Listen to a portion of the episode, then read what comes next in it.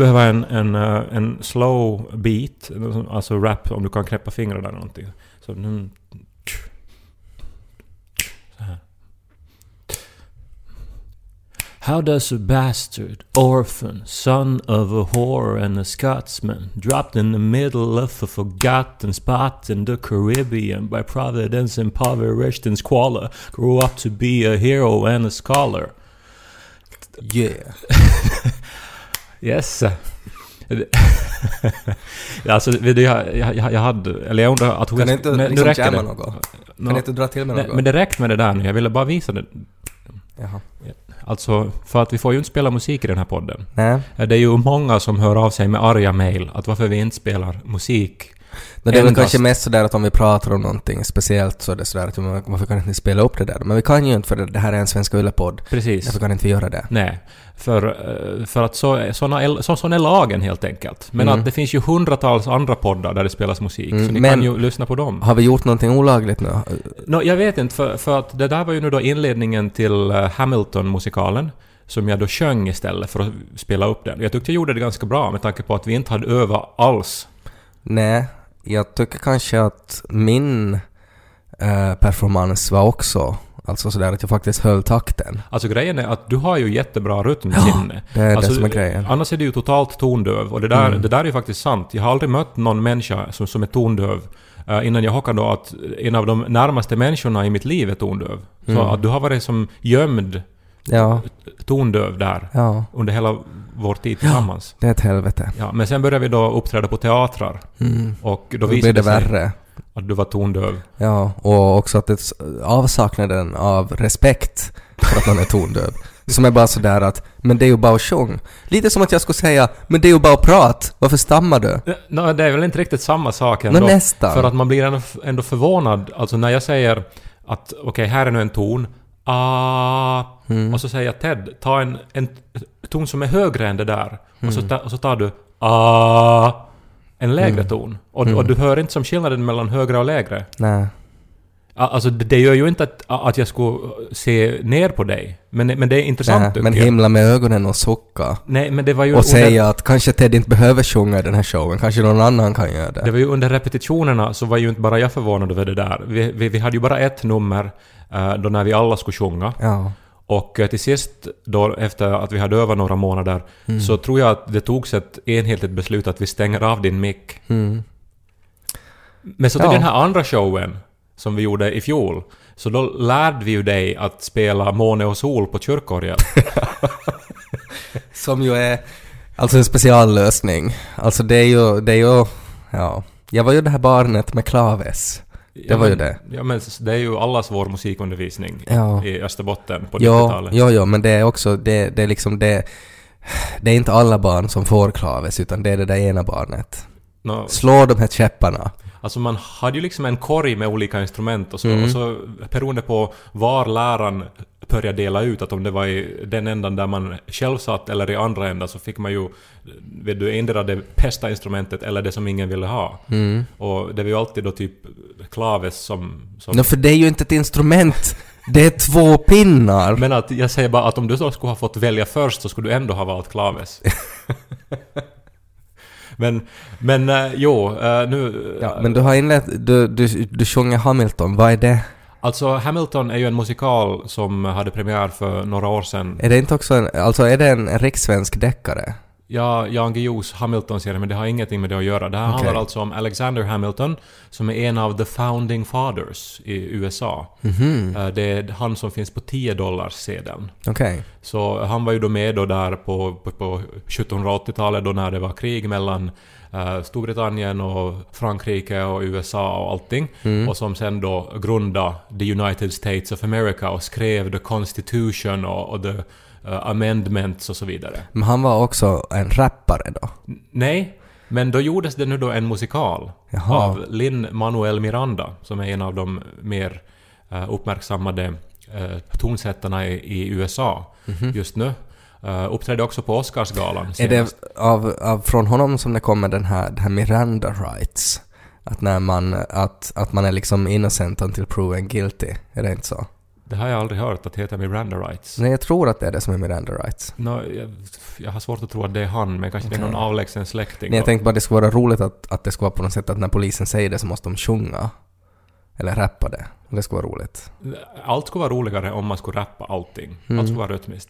Eh, men eh, ja, så har det gjorts en musikal som ju då har blivit en stor succé på Broadway i New York. Förlåt, jag vill bara korrigera. Jag tror att det är det här att everything you say can be used against you in a court of law. Jag tror att det är kanske det som är Miranda rights. Okej, det säger man ju alltid när man arresteras då. Mm. Och, s- och det ska de kunna sjunga då. Everything you say can be used against you. Det var ju ganska bra. Ja. Det var ju en melodi du tog. vad har hänt där? Nej, bara privatlektioner. Men det är alltså ganska imponerande. Ja. Dan Granqvist på Radio Extrem, nu avslöjar jag eventuellt för mycket, men han överraskar mig genom att säga att han ska börja ta sånglektioner. Mhm. Och nu, nu menar jag inte att det skulle som vara någonting underligt med det. Är det här någonting du får avslöja i den här podden då? Det vet jag inte, men det var nog ganska länge sedan tycker jag. Så Okej. han har kanske nog pratat om det. Eller Okej. så, så eh, skulle han överraska sin pojkvän Nej, eller jag någonting. tänkte just det, det kan ju vara någon sån grej. Okej, nå... Men han eh, kanske inte lyssnar på podden. vi får Om se. du lyssnar, shh! Kaj skoja! Men alla borde kanske ta sånglektioner. Det tror jag att man kan Eh. ha någonting att förlora på. Ja. Nå ja. Men den här musikalen nu då är en stor succé. Och uh, omöjligt att få biljett. Mm. Men jag ska se den på torsdag. Kommer den hit till Helsingfors då eller? jag ska till New York imorgon. Jag är så arg. Och jag ska se flera Det är teaterföreställningar. så sjukt att du får till New York imorgon. Ja, Och att men... du far liksom... Att du, nu är du här i Finland och sen imorgon far du till New York. Ja, nå, inte vet jag. Det är ju det här flyget som finns. Alltså, ja, men det är ju bara... det tar åtta timmar. Så Mm. att... eh, Okej, det är ett mirakel men samtidigt inget vi ska... Ja, men du flyger Fördjupa helt... oss Du i. flyger ensam. Du har inget ansvar. Du ska bara överleva. Du måste inte underhålla en två och en halvåring eller eh, trösta din sambo som är otroligt flygrädd. Du sitter själv och kan vara otroligt full. Jag får stirra på den här kartan. Alltså, det, är. Alltså att flyga de här längre flygningarna är ju som för, för för mig... Alltså det är himlen. Vet du, att jag får sitta för mig själv på ett ställe i stilla, titta på en karta och dricka mig full. Det är det bästa jag vet. Det finns ingenting som är bättre än det. Ja. Jag älskar att vara full på plan. Men du ska nu då få se på den här Hamilton-showen. Jag ska se Hamilton då. Och eh, Men, vad, har, men, men är det här liksom... För du pratar ju som att, det här, att alla ska känna till det här nu då. Att vad är liksom grejen med den här? no, alltså det här Det är en musikal. det här är en eh, musikal och det här är faktiskt den mest omtalade teaterföreställningen på hela planeten just nu. Varför och har det? varit det i ett år åtminstone. Eh, För att den är jättebra. Den är jättebra. Den går också i London, men jag ska ju förstås se originaluppsättningen nu då. Mm. Och eh, till exempel Michelle Obama hör till fansen. Hon sa att “This is the greatest piece of art ever made”. Jag tror du ska säga piece of ass. Det sa hon säkert om hennes man, Ja. Barack Obama, som ju fortfarande är otroligt fit. Alltså Mm. den enda presidenten som jag skulle... Som du ska. Ja. Och inte bara då för att han är ett intellektuellt... En, en, en frälsare. Nej, Utan- du, du, ska, du, ska, du ska liksom bara för hans kropp egentligen, inte något med hans hjärna. No, men jag menar bara att han är the greatest piece of ass Ja. in history kanske då. För, för Michelle Obama. Tänker vi nu liksom presidenter liksom eh, gamla eller tänker vi sådär att hur de såg ut liksom då när de var aktuella? För JFK var nog ganska... Ja men Obama är väl ändå 60 nu? Eller 50? Nej, alltså... Jo, men tänk- närmare 60 än men 50. om du skulle få tänka dig en liksom 35-årig JFK eller en 35-årig Barack. Så skulle jag nog... Barack. Eh, Abraham Lincoln. Ja. Han, var ju, han höll ju på med wrestling. Eh, och, eh, och han var ju jätte, jättestor. Alltså han var ju otroligt lång var han ju. Och ganska snygg. Fidel Castro var ju ganska sexig när han var revolutionär också. Ja. Mm. Jag trodde vi pratade bara om amerikanska presidenter. men- Då, ja, ja. Men anyway, så eh, jag ska alltså se den, the, alltså den bäst, det bästa konstverket någonsin, enligt Michelle Obama, ska jag se på torsdag. Och jag är ju löjligt eh, taggad för det här. Så, Det- så jag ville inleda Ja. med att sjunga en bit ur Hamilton. Jag skulle helst ha spelat upp den här fantastiska soundtracket. Mm. Ja. Men jag får väl ändå uppmana folk, gå in och lyssna på soundtracket. Det är Ja. ungefär två och en halv timme långt. Det är Jag vill bara jättebra. poängtera att det finns ju jättemånga musikaler man kan lyssna på. Att man kan ju lyssna på andra verk också. Ja, men eh, den här är speciell också. Ja, men Kai, vi måste säga att man kan också lyssna på andra saker. Den eh, görs ju också Till exempel av, på Yle Arenan finns det säkert mycket man kan lyssna på. en, av en All African American Cast också, vilket ju är Okej. då intressant. Mm. För att den kallas då för en American Musical. Och så vet du, tar man just ställning då för att visa liksom att Amerika är ju, är ju multietniskt och eh, ja, det är ju Mm. fint tycker jag också. Jag är ju hemskt oinsatt nu då med musikaler på Broadway och sådär. Men det, en, en grej som jag ju vet är ju att det är ju inte billigt att vara på musikal. Och inte heller liksom det lättaste sådär att fixa biljetter. Att har du liksom lyckats få... Eh, Jag, jag fick faktiskt en av de sista platserna i hela maj när jag bokade i, januari. Du bokar i januari. I januari bokade Okej. jag. Och, eh, och, och den var nog, den, den var otroligt dyr. Men om, men om du... Hur dyr var den?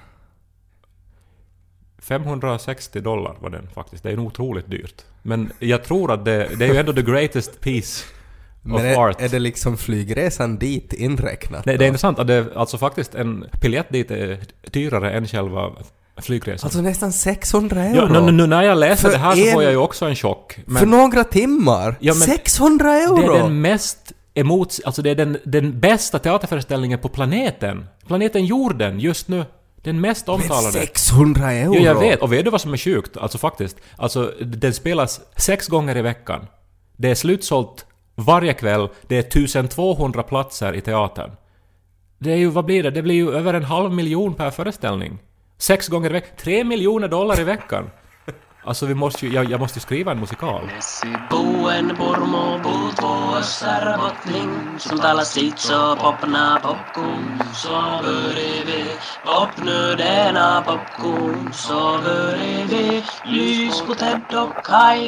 Sen ska jag ju se annan teater också. Dagen efter Hamilton ska jag se Angels in America. Ja, finns den på Yle-arenan?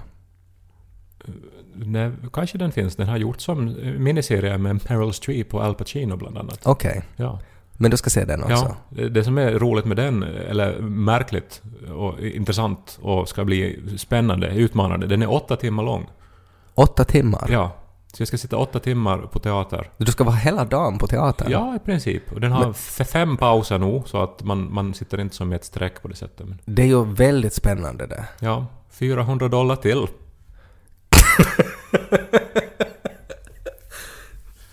Tusen euro för att vara på teater två dagar! Ja. Det är nog mycket det. Eh, Men eh, jag tycker inte att man kan värdesätta kultur. Ja, fast det här med Det gör de ju i och för sig när de Ja, lägger biljettpriserna. Ja, det är ju uttryckligen det de gör. Men, eh, ja, oj vad mycket pengar. Men det här med att sitta då åtta timmar är ju... Alltså jag bara tänker på den här incidenten som vi hade då när vi gjorde vår show på Vasa Teater. Så i något skede så, så kom ju den här tekniska personalen och meddela att eh, de kommer att måste lyfta ut en stol. Ja, de måste...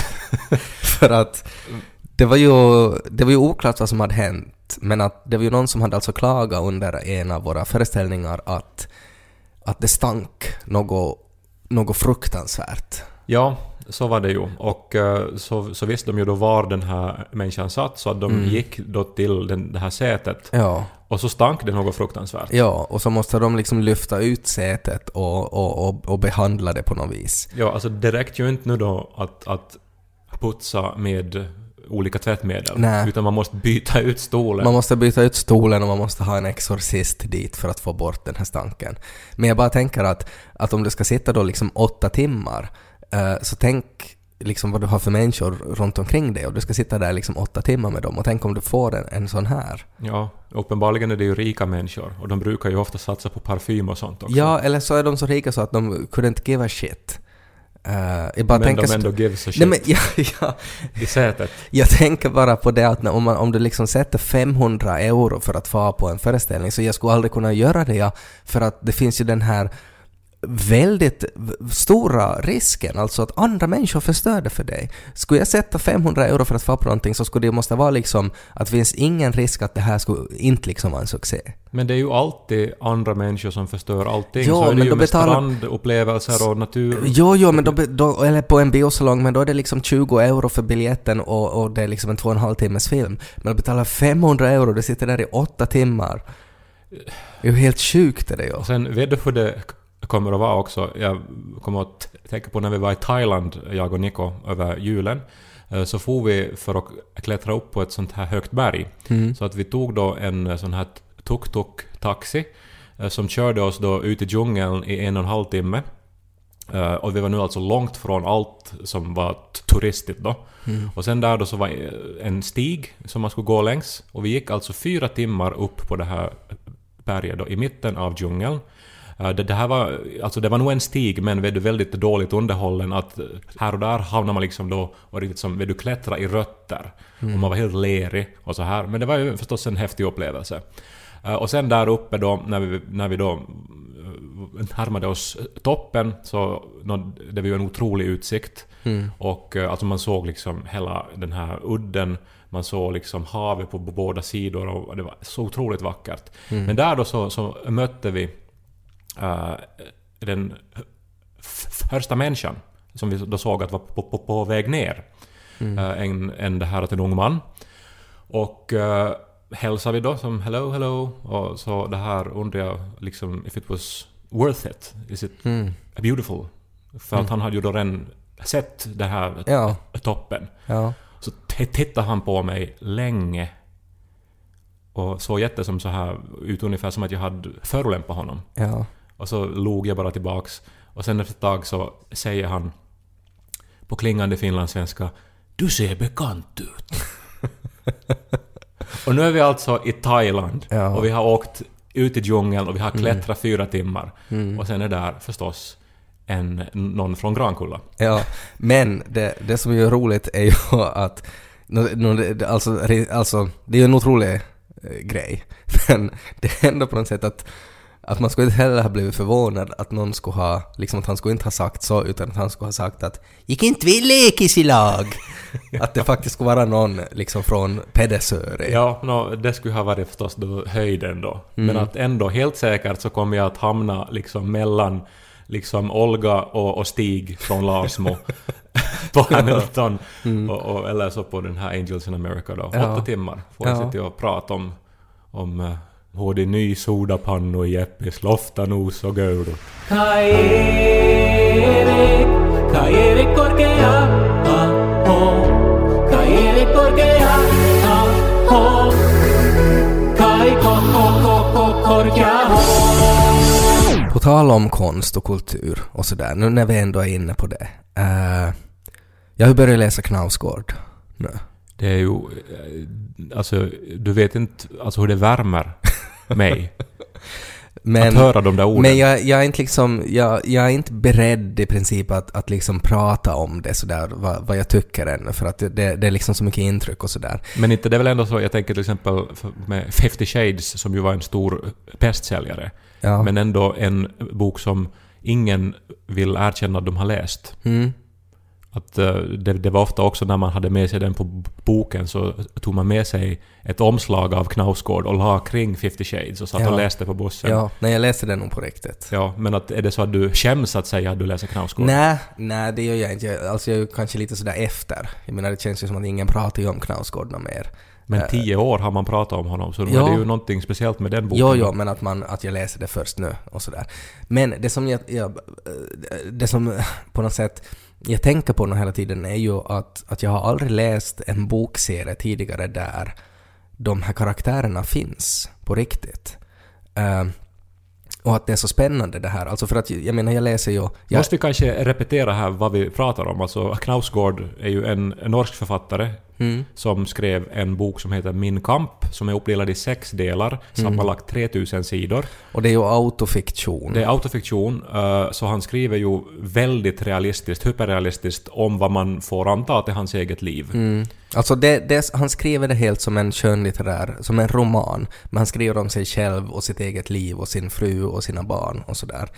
Eh, och, och, och det är ju liksom för mig, jag, jag har aldrig läst autofiktion tidigare. Uh, att jag, jag älskar ju att läsa fantasy och sådär. Uh, och jag, jag, det är därför det är på något sätt så sjukt alltså att, för att jag menar jag är ju van att läsa då om, om liksom monster och troll och sånt där som inte finns på riktigt. Och att man nu då läser om karaktärer Uh, som man liksom på något sätt, jag menar man kommer ju in i dem och man läser hur de tänker och hur de är och liksom deras relationer och allting, precis som det är med en bra bok. Men att de här människorna faktiskt finns. Uh, och det var en sån på något sätt uh, ögonöppnare för mig för att sen mitt i allt bara så eh, var jag på Facebook och så ploppade det upp där, uh, jag är vän med, med Filip Teir på Facebook uh, och så satt han en bild från uh, den här litteraturfestivalen som han har som, som var typ för något år sedan att där han sitter med några typer i en soffa och så, att så här såg det ut nu att snart börjar vi igen. Och där sitter liksom då den här Linda... Lin- Knausgårds exfru. Ja, så satt i den där soffan och så hon, ja men hon, alltså, ja, ser hon ut så där? Alltså den här som jag då läser om, alltså den här, den här som i mitt huvud är ju liksom alltid en påhittad människa, men att där sitter hon. Och så hade hon inte liksom långt skägg, hatt och svans och red inte på en drake. Nej, Tänk utan hon, det. hon såg ut som en vanlig kvinna. Ja, men är det inte... Men jag menar, nu har du ju läst biografier säkert och, och, Nå, inte egentligen. Alltså, historiska böcker. nej, hemskt sällan. Alltså jag, jag, jag, jag har inte gjort det. Eh, och, och så bara tänker jag på det att du har ju träffat Knausgård. Ja, jag har dockat med Knausgård en kväll. Och, och det var intressant att du tog upp just det att du sa att du har dockat med Knausgård, för det gör han ju otroligt mycket i de här böckerna. Eh, men har du läst före du träffade honom? Eh, Alla delar hade inte ännu kommit ut när det här Nej. hände, så att jag hade inte läst hela serien. Men är det inte svårt alltså att när du vet hur han tänker, alltså att, att man har liksom... Han avslöjar ju exakt hur han tänker eh, och hur han hur han själv på något sätt har svårt med sig själv och hur han dömer andra och allting. Och så sitter du där och dockar med honom och vet att, att det är ju som att man har liksom läst hans tankar, att jag, jag vet vad du tänker. Och Ja. jag vet precis hur du reagerar och så sitter du där med honom. Alltså, eh, det var ju ett extremfall av det som faktiskt också händer ibland eh, sen vi började med den här podden. Att jag möter någon som jag inte har sett på länge. Och så, och så nämner jag någonting som jag har gjort och så säger de hm, jag vet.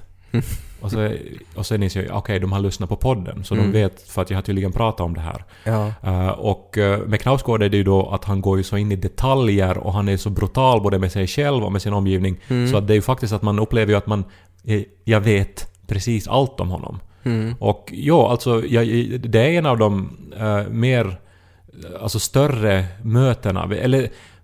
Vet du, som att jag upplevde att jag mött någon, någonting som var som en del av mig nästan. För att man, man har ägnat så mycket tid eh, och man har låtit hans röst forma ens tankar så pass länge. Att det, det var lite som att möta någon, alltså en del av mig själv, vilket är jätteabsurt. Ja. Men det, det, var, en- det, var en, det var en underlig upplevelse. Ja, nej, men för det, för det tänker ju jag då, alltså att, att, att hur jag skulle reagera, att om jag då skulle träffa, träffa uh, Khaleesi till exempel från Game of Thrones, Uh, och så skulle hon liksom finnas, och, och det är bara så att ja men jag vet ju, jag, jag, jag, jag vet ju exakt vem du har haft sex med och, och sådär. Ja, men grejen är ju det, den stora skillnaden här och som ju gör att jag är så glad att du nu läser Knausgård och vill då åtminstone ge det en chans. Uh, att uh, du kan ju aldrig identifiera dig med vad det innebär att, att som kunna vill du, flyga på drakar eller uh, vet jag, trolla. Men, För det går inte. Men att nu kan du möta vet du, en människa som är liksom kött och blod precis som dig själv. Och som du har kunnat identifiera dig med på ett jättedjupt plan. Ja. Jo, jo, men, men nog skulle det ju vara bättre om han skulle kunna trolla. Men Alltså, varför skulle. Nej, det, men, det, men helt, helt ärligt, jag, jag tycker Min kamp skulle vara en bättre bok om, om han skulle kunna trolla.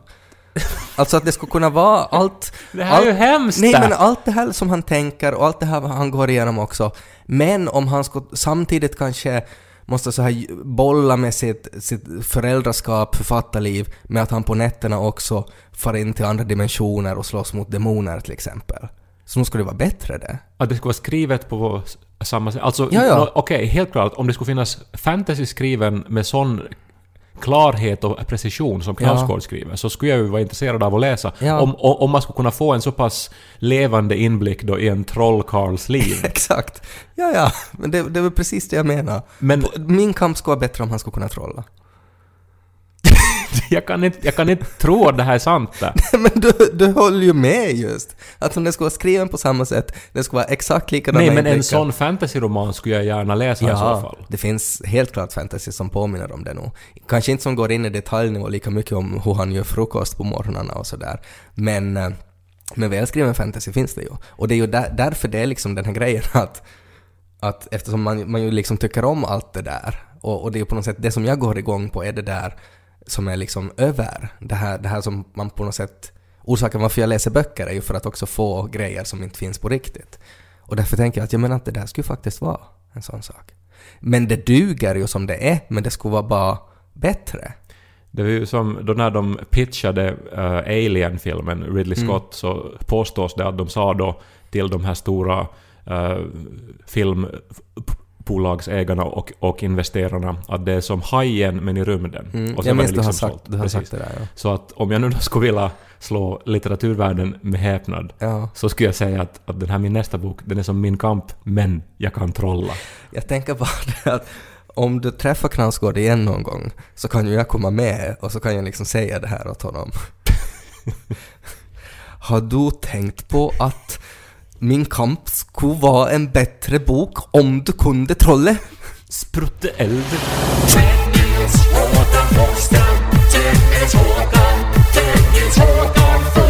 Jag tycker allt vi har talat om hittills korrelerar med helgen som gick och vädret. Att det var Okej. perfekt. Ja, det har varit jättefint väder. Det var, det var en sån här helg full med såna här ögonblick som var så här perfekta på ett nästan olycksbådande sätt. Okej. Eh, Precis då menar jag som till exempel Knausgård är ju perfekt när det handlar om litteratur. Och Mm. eh, jag antar att Hamilton-musikalen är en perfekt teaterupplevelse. Ja. Det var det jag vid Åsnebryggan. Och din helg har varit ett perfekt exempel på en helg. Ja, riktigt, riktigt. Men menar du så här allmänt eller för bara stammande homon? Va? Nej, alltså för att jag tycker perfektionism är ju sådär att, att det kan ju vara på individnivå eller så kan det vara på något sätt så här Fanns det nu då en sorts nivå. insinuation att för att jag har ett talfel och hör till en sexuell minoritet så kan jag inte ha en perfekt helg? Verkligen, verkligen inte. Utan bara det att du är ju liksom en trippelminoritet och jag tänker bara att, att har det hänt någonting som har gjort en helg perfekt just att om man lider av stamning och är en sexuell minoritet. Men varför tar du upp det här? Det här är ofattbart. Det är avundsjukan som, som, som kom ut ur Ted Forsströms mun. Jag har läst för mycket Knausgård. Ja, du var brutalt ärlig. Exakt. Ja. Nej, men vi var eh, på landet uh, ute vid en sommarställe och uh, var och simma första gången och uh, låg sen i en sån här badbalja och drack champagne. Och när du säger att ni låg i en badbalja så då alltså Nå, då låg vi, flöt ni i vattnet då där. var vi i vattnet där. Exakt. Ja, och det var ju en per- perfekt kväll. Mm. Alltså, Hur gjorde ni när någon måste kissa? Vi kissade inte. Vi kissade efteråt och Är före. du säker? Nå, eh, vi är vuxna människor. Och varför skulle vi ha kissat i vattnet? Nej, jag tycker bara Är det... det- har något att göra med att jag stammar? Eller? Nej, jag har en gång varit i badbalja. Och då var det, var det sådär att värden för badbaljan sa att, att om det är så att någon behöver kissa så är det bara att kissa. Och jag minns att jag reagerade starkt på det. Va? Det, det, det är ju motsatsen till vad de säger. Ja, Pratar han finska och du förstod inte? vad är sannolikheten att jag skulle vara i en finsk badbalja? Nej men jag tänker att du har hamnat dit på någon, på någon För att, för att jag bara sa, jag sa bara nimpe och så slutade det med att jag var i Kotka i en badbalja. Uh, nej, men jag minns att jag reagerade på det att, att det var så här att jaha, eh, det, så det här är kutymen. Eh, och så ligger man där då och kommenterar om någon har ätit selleri. Eh, jag vet inte. Jag bara, jag bara undrar eftersom jag, jag inte visste. För att i mitt huvud var det sådär att men inte kissar man ju i en badbalja väl? Men när jag var och dök i Thailand så var vi ju nere då på nästan 20 meters djup. Mm. Och där så hade vi ju då lånade våtdräkter. Mm. Och, och, men där hade jag faktiskt inget val i något skede. Så du kissar i våtdräkten? För vi var ju eh, på 20 meters djup, det är inte bara sådär att få upp till ytan och, och få upp till båten och ta av sig dräkten och kissa. Men finns det inte någon sån här liten snorkel för penisen som man kan kissa i då? Nå, jag hade inte extra utrustningen för dräkten då. Finns det? Så? jag vet inte om det finns. Kanske det finns med drakt, jag vet inte. Men jag tycker det borde ju... en liten, alltså att det skulle faktiskt se ut som en liten våtdräkt som man sätter, alltså som en liten kondom som man sätter på. Men då lät jag det fara då i den här som någon annan då kommer att... Ja, men jag hade inget val. Alltså, för, för nu är det ju ändå ett så... Alltså det är ju fysiskt omöjligt att hålla sig i längden. Ja, men är det inte svårt också att släppa sig sådär när man är på 20 meters djup? Alltså för jag tänker att när jag, när jag blev opererad eh, så hade jag en sån där som lastbilschaufförer har, att jag fick en sån här liten potta som man kan liksom kissa i. För att... Som lastbilschaufförer har. De Ja. stannar ju vid truckstops. Och, nej, inte om de pissar. har, inte om, om det, det de, de har liksom 16 tons eh, som de måste liksom föra och, och de har inte tid att stanna. Då, då kissar de en liten potta. En Jag liten är rätt potta. säker på det. Så- Ja, en så att liten de, plast. Ser ut som en sån här safttillbringare. Så de sätter sätter sig på då? Nej, nej, de, de bara öppnar liksom. Alltså en... Släpper, släpper. Alltså man håller i det med ena handen, andra handen på ratten Ja, och så kissar man. jag, jag måste säga, jag hade ingen aning om att det Nej fanns... men det finns, alltså som en, bi, en vägpotta, skulle jag kalla det. Ja, kanske det här är dina fantasy-romaner. Nej, men det... Så när det de ska flyga på draken så får man ju inte pissa, utan då måste man ha en sån här liten potta med sig om man skulle råka just när man jag skulle bara komma till det att när jag blev opererad då för jätte- jättelänge sedan så minns jag att, att en av de största grejerna var att då på natten så måste jag kissa otroligt mycket. Och de sa sådär att ja, du har blivit opererad och du får inte liksom hoppa upp ur sängen och fara till vässan. Utan vi ger dig en sån här vägpotta som lastbilschaufförer använder. Så sa jag va? Använder de såna? Så sa de ja, vet du inte. Eh, och så skulle jag använda en sån och jag kunde inte. Det gick inte. Totalt omöjligt. Jag hade världens kissebrott. Men jag fick inte utpressat någonting. Det gick inte. Det var liksom så fysiskt, så, sån total blockering av att ligga i sängen och kissa. Så jag kunde inte göra det. Mm, som, som vän skulle jag råda dig att kolla prostatan kanske. Om du Nej, har men det problem var att inte- få igång Nej, det, strålen. det var inte ett sånt problem, utan det var en totalt mental blockering. Ja, så tror man kanske. Nej men... eh, ma- Och så man, kollar man sig inte. ja, men när man blir opererad så där också så tror jag att det, det är något med prostatan, att det är liksom svårt att kissa. Jag har för mig att det är något sånt också. Men i alla fall, eh, jag minns inte ens vad vi pratade, vi pratade om badbaljor. Det var, Det var en perfekt helg innan vi, in, innan vi började prata om att du inte kan kissa mitt på Ja, natten. Okej. Ja, men en- ni, det, urinerande, urinerandet var alltså, hade ingenting med perfektheten att göra? Nej, vi, vi låg i baljan utan Ja. att urinera. Okej. Och eh, solen var ju varm Kan och det blåste inte och det var grönt i träden och solen Mm. gick långsamt ner över havet. Vi hade en, en felfri havsutsikt Mm. och, eh, och det var tyst och vi satt och drack champagne. Det låter var- perfekt. Ja men det var perfekt var det. Ja. Och vi låg där ända till klockan 11 eller någonting då det var Mm. mörkt och, och det var ännu varmt i vattnet och så här. Mm. Och perfektion är nog någonting, är nog någonting underbart. No, det är individuellt är det ju. Underbart. Ja, jag, har- jag strävar ju dagligen också när jag sitter och skriver på min roman att uh, formulera mig perfekt. Men det är ju, det är väl, tror jag, sådär att alla som har ett jobb där man på något sätt sitter med någonting kreativt, kanske inte ens bara kreativt, utan att där man gör någonting, man producerar någonting, så strävar man ju efter perfektion.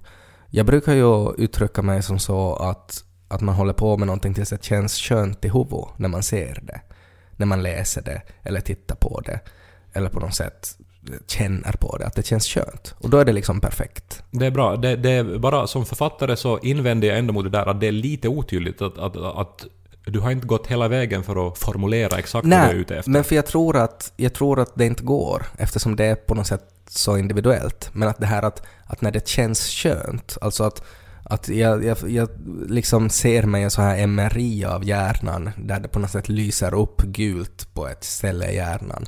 Och det, det där stället är kanske samma för alla människor, att, men sen att just att om det känns skönt eller att man läser exakt vad det ska stå eller någonting, så det kan variera. Så känns det när man läser Knausgård då, så, så är det hela tiden det där området i hjärnan är upplyst. Nej, inte hela tiden.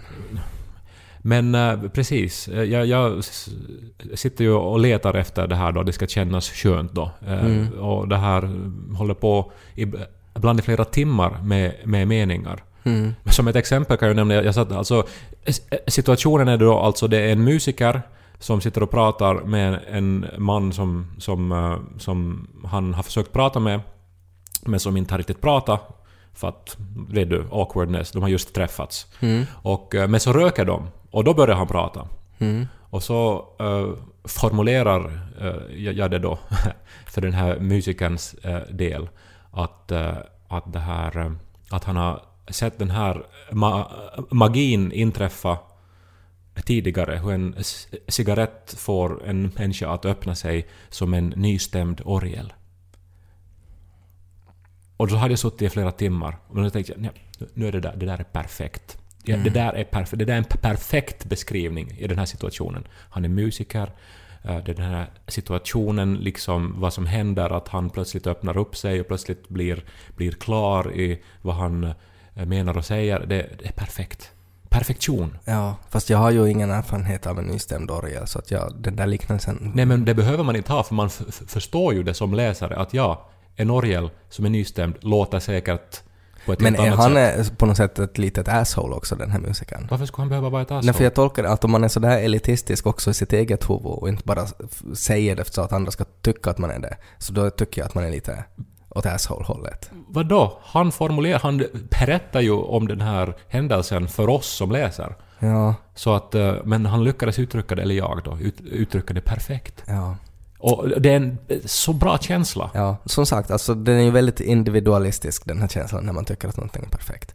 Men jag tycker att den här stora skillnaden här mellan att vara i er eh, eventuellt kissig doftande badbalja eh, och det där är ju att det där är ju någonting som du har liksom jobbat fram. Alltså den här badbaljan hoppas jag var väl någonting som bara hände sådär att ni hade ju inte liksom gått ut och in i den där baljan flera gånger och liksom flyttat på den för att ha den här felfria havsutsikten utan att badbaljan var ju där, ni bestämde er att nu får vi dit, ska vi ta lite skumpa? Jo, det ska vi ta. Och sen är det bara en massa inträffanden som leder till att det blir perfektion. Det är ju det bästa. Mm, Men det handlar ju om, in, alltså, alltså egentligen om att allting är lagom. All, allting är precis som det ska vara. Mm.